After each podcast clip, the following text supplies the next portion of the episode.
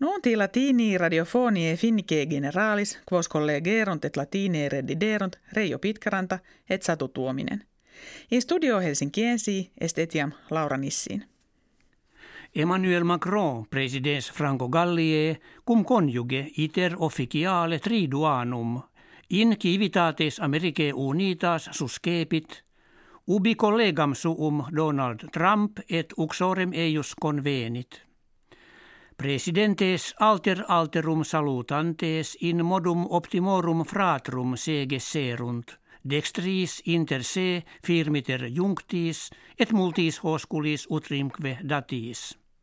Macron ab Americanis tanti estimabatur ut apud congressum eorum orationem Anglicae habere sineretur. Miguel Díaz-Canel, successor presidentis Cubanorum Raul Castro est, ut administratores huius terre confirmaverunt.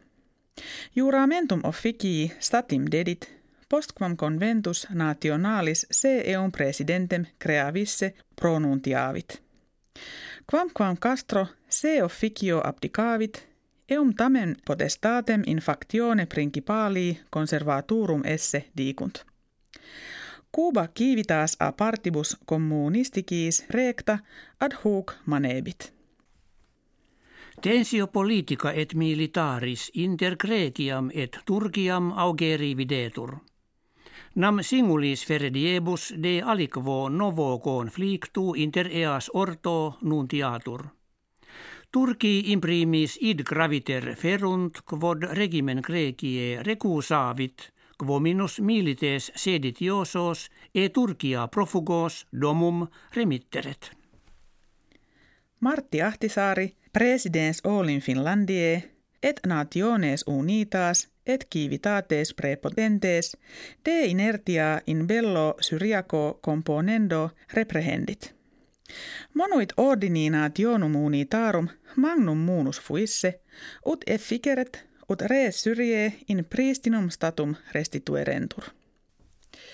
Ei tamen non contigisse, ut his septem annis officium suum apte prestaret.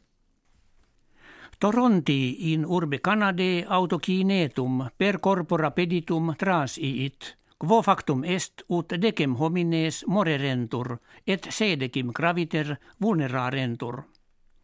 Testes oculatina raverunt vehiculum onerarium ex improviso in viam pedestrem de versum esse ibique per longum spatium pro vectum magnum detrimentum attulisse. Auctor sceleris Paulo post a vigilibus publicis deprehensus est. Jam altero de inceps anno status Finlandie in indice libertatis rei diurnarie descendit. In presentia locum quartum obtinet, cum ab hinc aliquot annos lingua finnorum omnium liberrima habitasit. Anno proxime preterito nostrates in hac comparatione tertii erant. Illum indicem ordo internationalis nomine redactore sine limitibus divulgare solet. Grex investigatorum in Borneo novam formice speciem invenit, kve se explodendo communitatem suam defendit. Nomen scientificum eius est colobopsis explodens. Sique bestia his formicis imminet aliquot earum membra sua tantopere intendunt, ut totum corpus dissolvatur, et hostis veneno inde effuso interficiatur. Hec habuimus, que vobis hodie referremus, valete.